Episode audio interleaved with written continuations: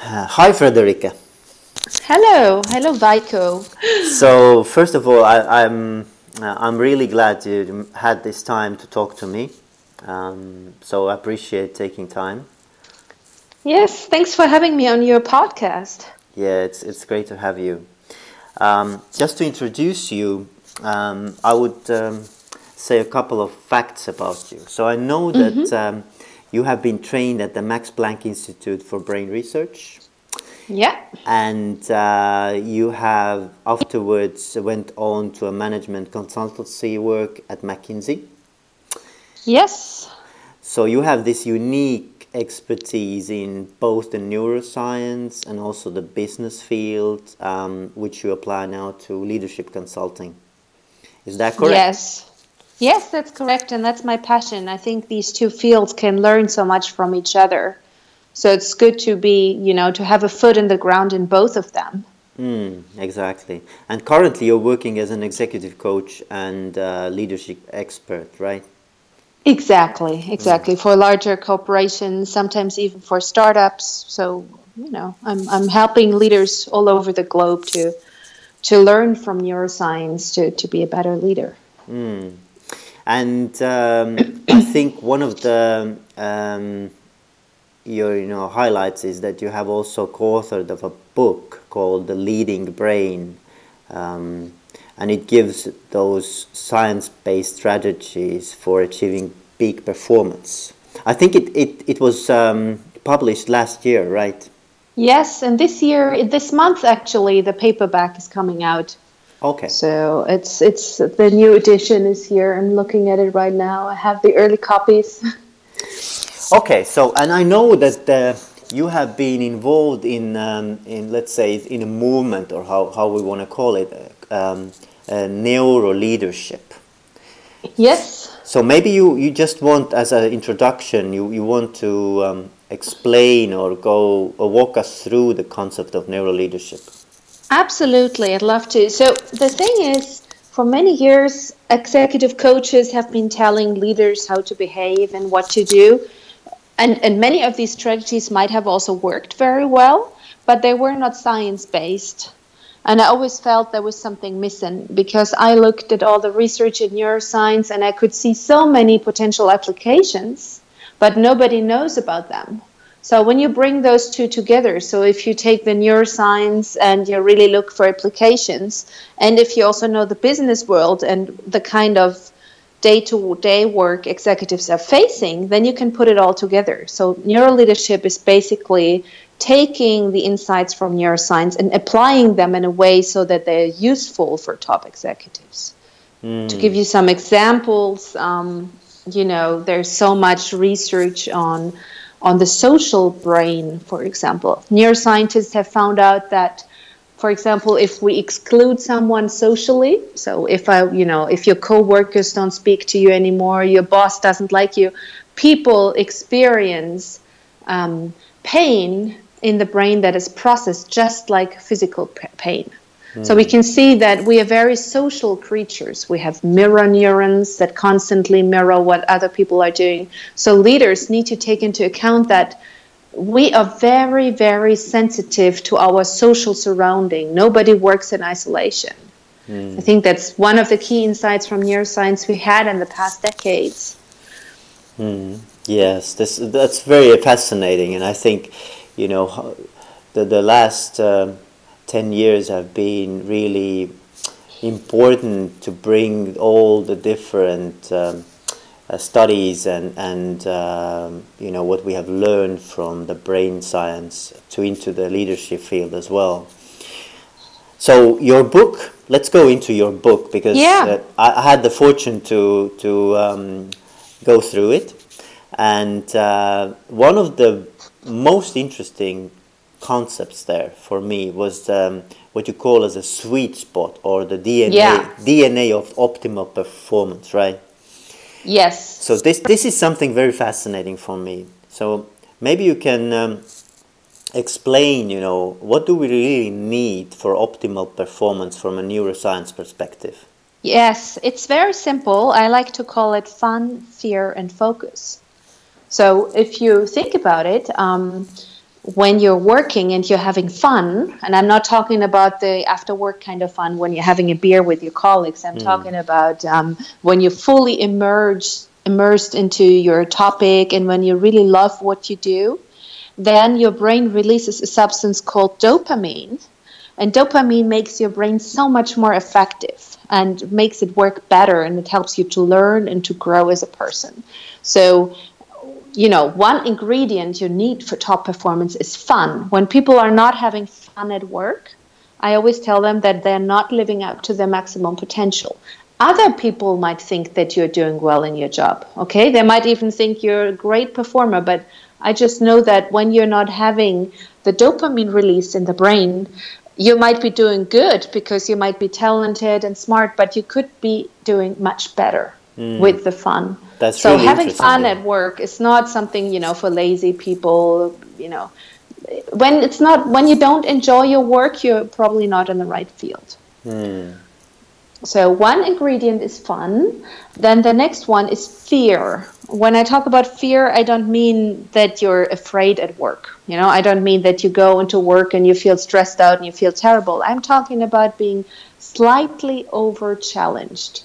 Because when you're slightly overchallenged, when you take on tasks that are a little bit too big for you, that's when your brain releases noradrenaline. And noradrenaline is a substance that makes us, you know, a little bit afraid, a little bit nervous. Um, and this little nervousness is what makes us um, perform better. And you told me that you have interviewed so many top athletes, mm. and you know some of them do only well at competitions because when they practice they know it's not the real thing mm. you know or they might have to artificially imagine that you know it's it's a real competition but they just do slightly better in the real competition because that's when your brain releases the tiny little bit extra of noradrenaline in the brain and the same is true in the business world if you're just bored and going through the motions and doing the same routine tasks every day without really thinking about it, you might be performing well, but you're not performing at your best. Mm. Is this? So you need the yeah. Frederick, can I ask? Is is this also applied, for example, in situations where you have to give a a very important speech, for example? Yeah. And and, and then somehow you know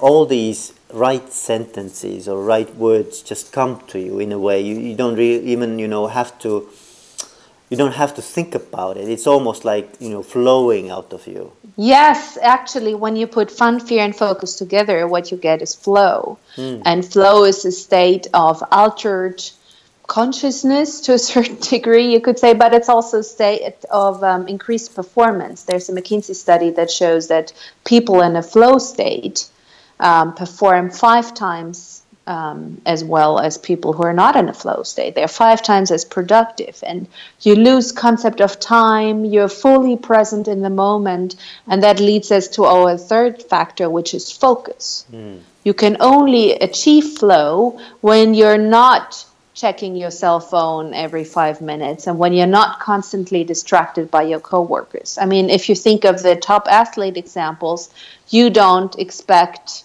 I don't know, Tom Brady in the middle of a match to, to check his cell phone, his fans would be devastated. They would probably, he would get a lot of criticism in the internet. While in the business world, if you don't reply to emails quick enough, people think you're underperforming. Well, well the opposite is true. We need time when we just focus. And, and with executives, I very often recommend that they schedule a what I call a meeting of one Hmm. So rather than um, constantly being in meetings with other people, you should also schedule some time in your agenda when you're not to be disturbed, when you just focus on your most important strategic topics.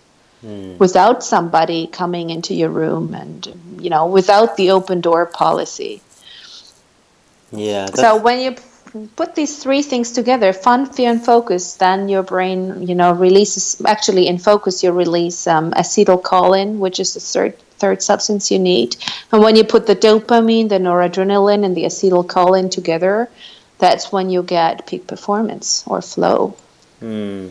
and is this something that um, everyone can somehow also influence? Is this is this something that I can do in order to induce the right amount of each you know chemical or or what? Absolutely, yes.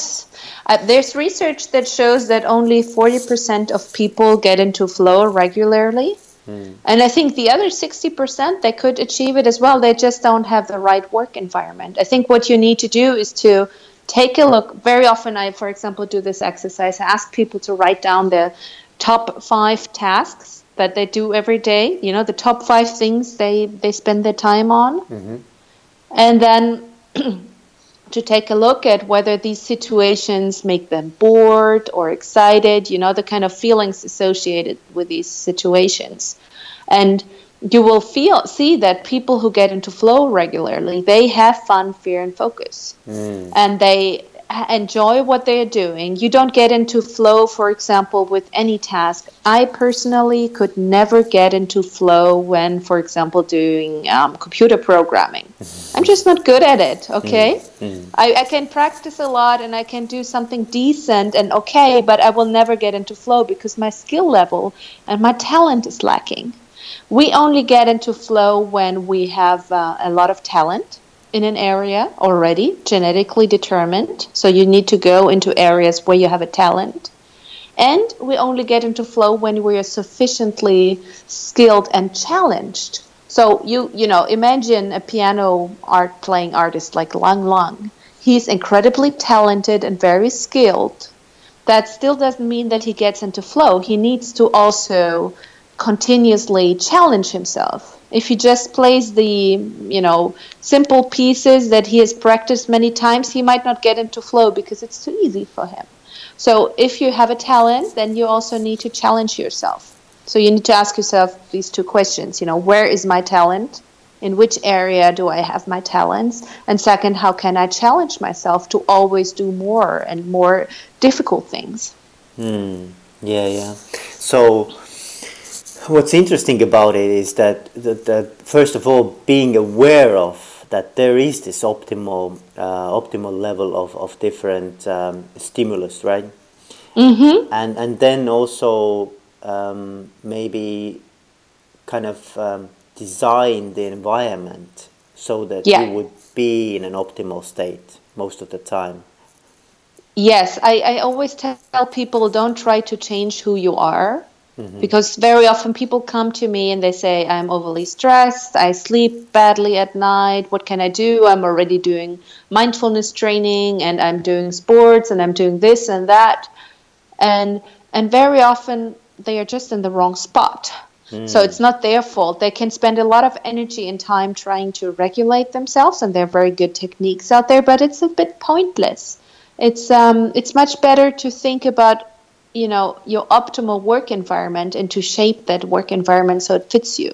So what do i mean? If you are a person or how do i put this? People are very different in with regards to how much challenge they need. Mm-hmm. some people they thrive best in an environment with a lot of pressure they need the constant challenge. Okay, they get bored if they don't get to fly to five different places during a week, and they love to travel and they love to try new things. Think of somebody like Richard Branson. He has mm. started 500 companies in his life. I think otherwise he would get bored. yeah, right? Yeah, you have yeah. people like this, investment bankers and entrepreneurs, but you also have people who excel best in an environment that is more calm and regular. And very often people think that these are low performing people. When I ask executives, they will say, oh, you know, probably kindergarten teachers and nurses and some bureaucrats. And the opposite is true. It's people like best selling authors, um, Nobel Prize winning scientists, they need a calm environment and they need to focus on the details and they need to work on just one topic for a very extended period of time. Mm. So it's not a matter of intelligence that these people who need a very, you know, versatile environment are more intelligent or more high performing. The opposite is true. You have intelligent people in all areas, but you need to find the kind of work environment that plays to your strength. Mm. And this is, if I understand it right, then basically leaders and, and also HR departments have a huge role actually to identifying what kind of um, stimulus and, and the environment is needed for, for different teams and different team members.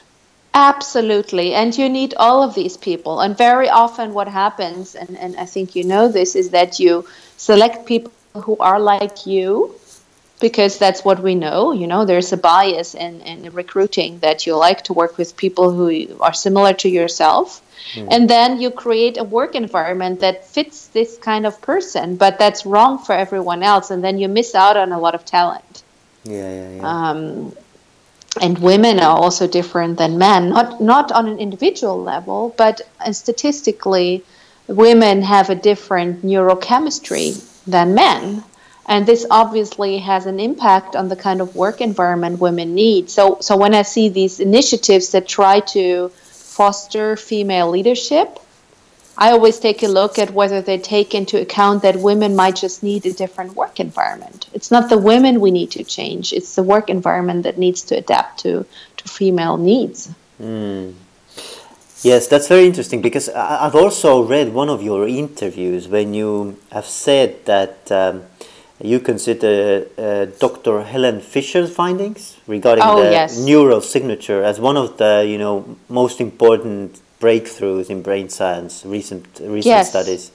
Uh, so can you tell about more about that as well? Yeah, she's amazing both as a researcher and as a person. And I, for me, I discovered her work um, when I looked into the uh, research on personality mm-hmm. and love, because originally she worked in the field of um, finding out why certain people fall in love with each other, which I find a very fascinating question. Mm. And she was able to uh, find out that it's all um, depending on your neurochemical signature.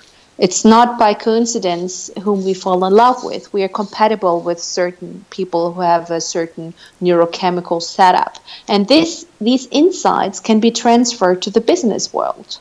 So what she found out is that basically we have four brain systems. There's the dopamine system. We already talked about dopamine. It's a neurochemical that is released when you're doing new things, when you're having fun, when you enjoy what you're doing. It makes people very flexible, very creative, um, very energized.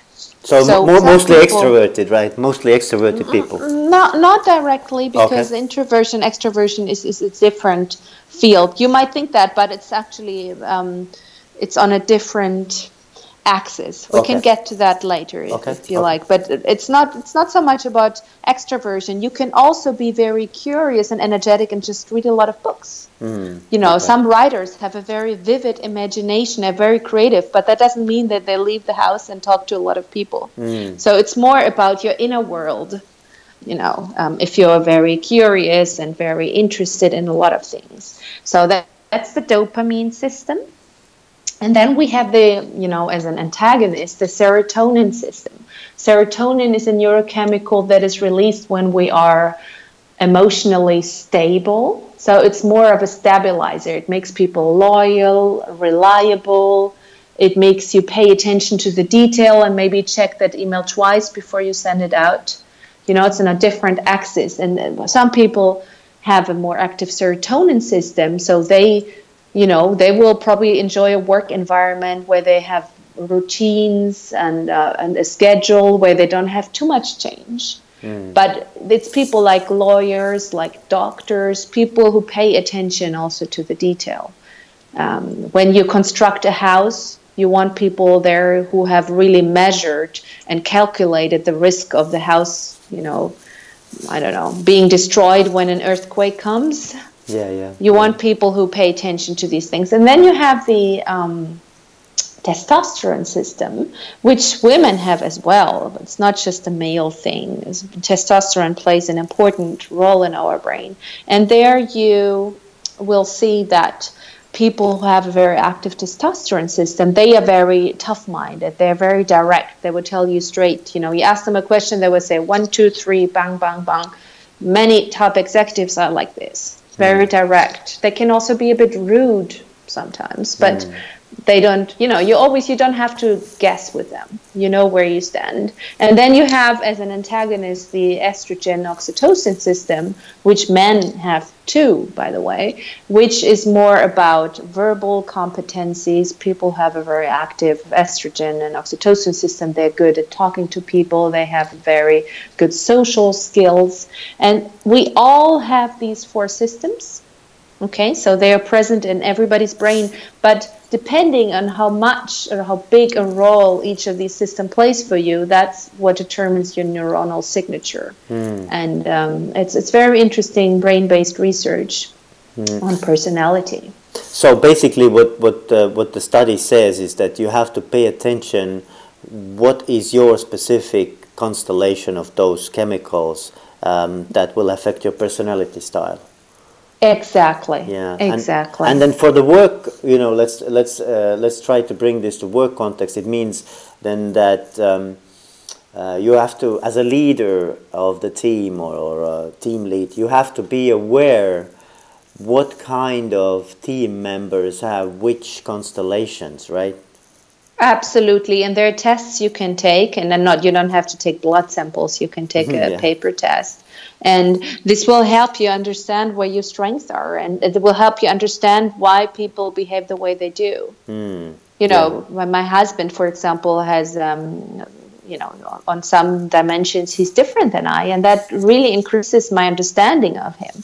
We're actually very compatible in terms also of you know um, when you look at uh, who you fall in love with. But you know, it makes you understand why somebody behaves that way, rather than expecting other people to behave the way you do and to think like you do. You appreciate the the, the diversity. Mm, yeah, yeah, yeah, yeah. That that's very very interesting. So so basically, we just need to be need need to be aware and acknowledge the differences and maybe play them be- play them better out in a team setting as well.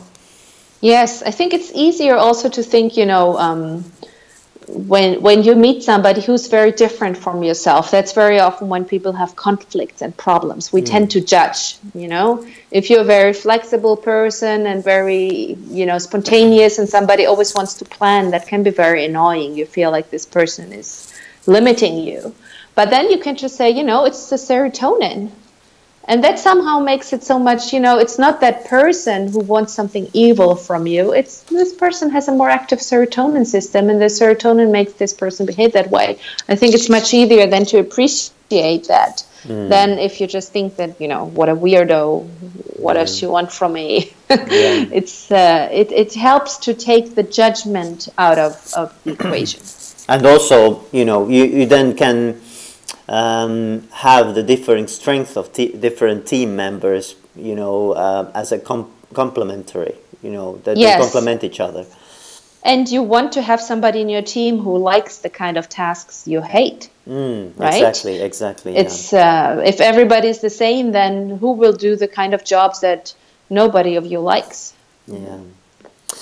Now, Friederike, let's let's jump into another very interesting um, topic, which is for me the you know the the the pace of change that we are experiencing around us. Mm-hmm. I mean, mm-hmm. it's it's like overwhelming.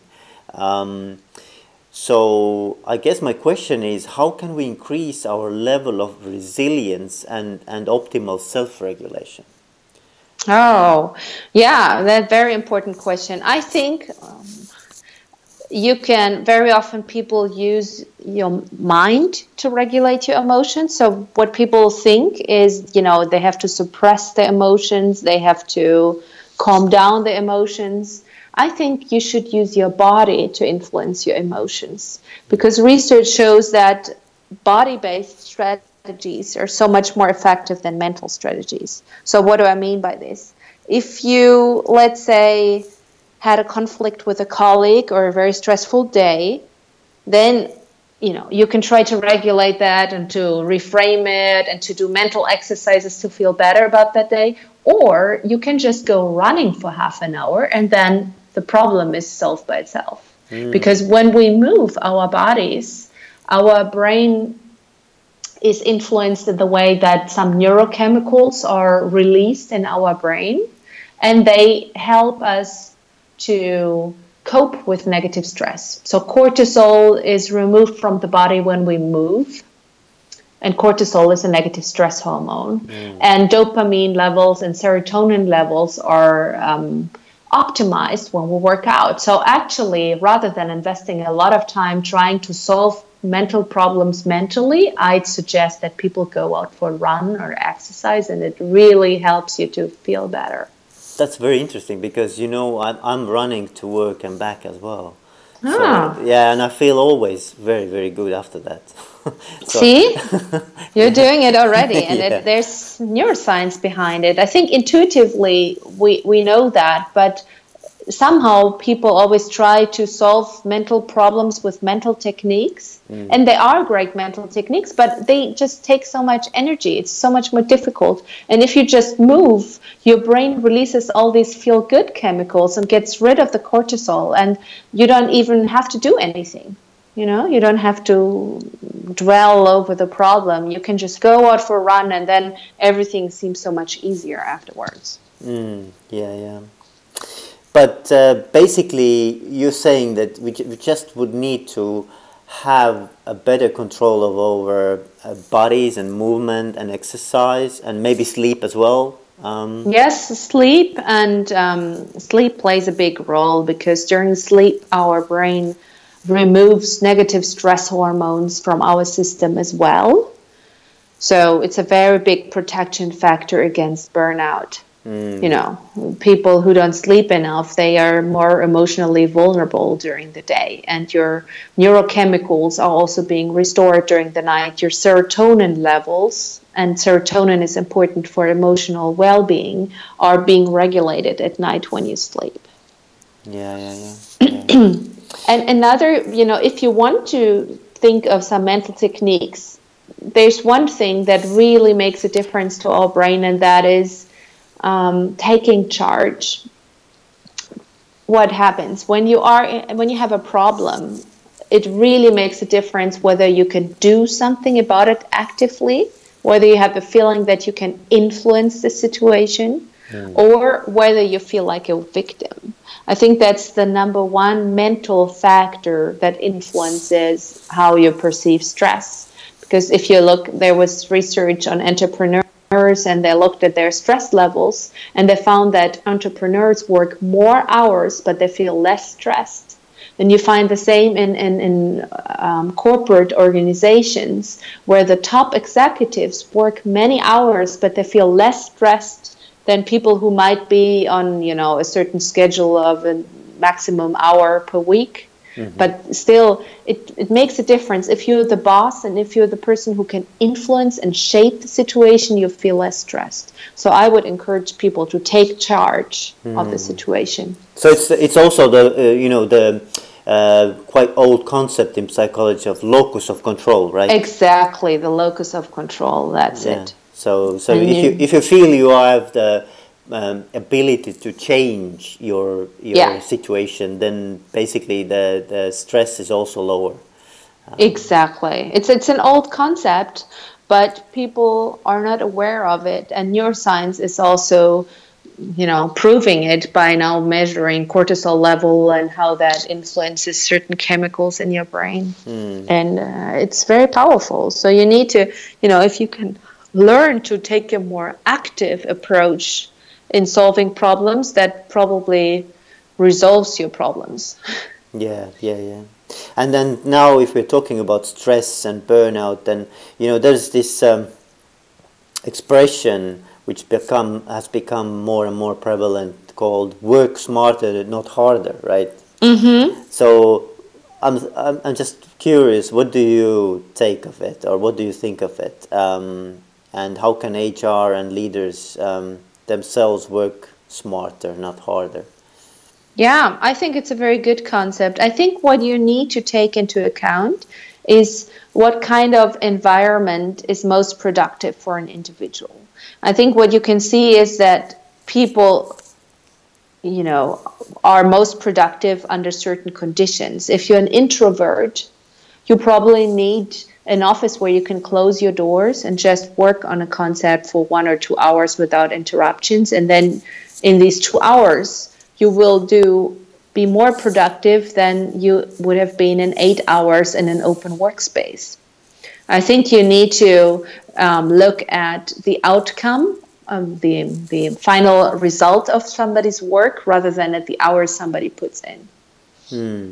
And you should allow people to work in an environment where they can be most productive. If for you it's most productive to first go running and to then sit at your desk and work on something, then you should be allowed to do that as long as the final outcome of your presentation or whatever you've been preparing is good. Mm. I know companies who do that. They don't look at hours anymore, but they just look at the final work results. So they define goals and what you should achieve, but they don't tell you where to do it and how to do it.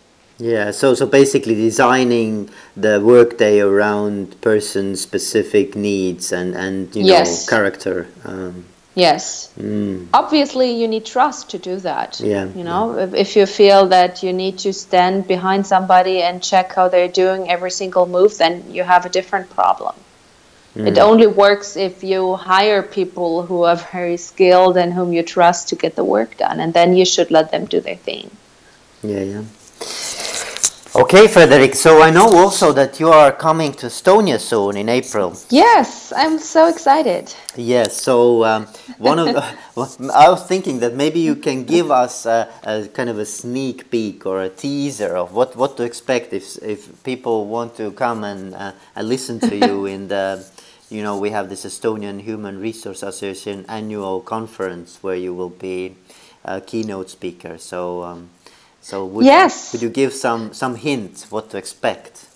I'm going to talk about um, how to put together a dream team. So I'm going to speak about how you can the best possible performance out of people in the workplace, and I'm going to speak a bit about my concept of fun, fear, and focus, and I will show people how they can get more fun, fear, and focus into the workplace, and how they can pay attention to diversity, and how they can adapt a workplace so that everybody is the most productive.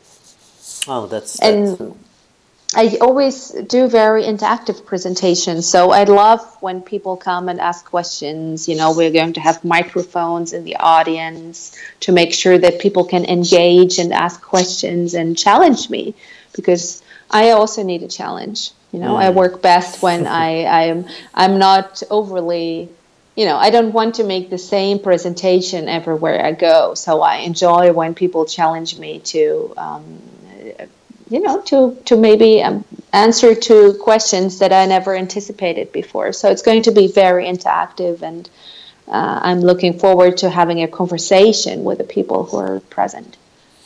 So thank you very much, Friederike. It was really enjoyable to talk to you. Same for me. Thank you, Vaiko, for having me, and um, I look forward to seeing you in Estonia in April. Yeah, thank you very much. Thanks.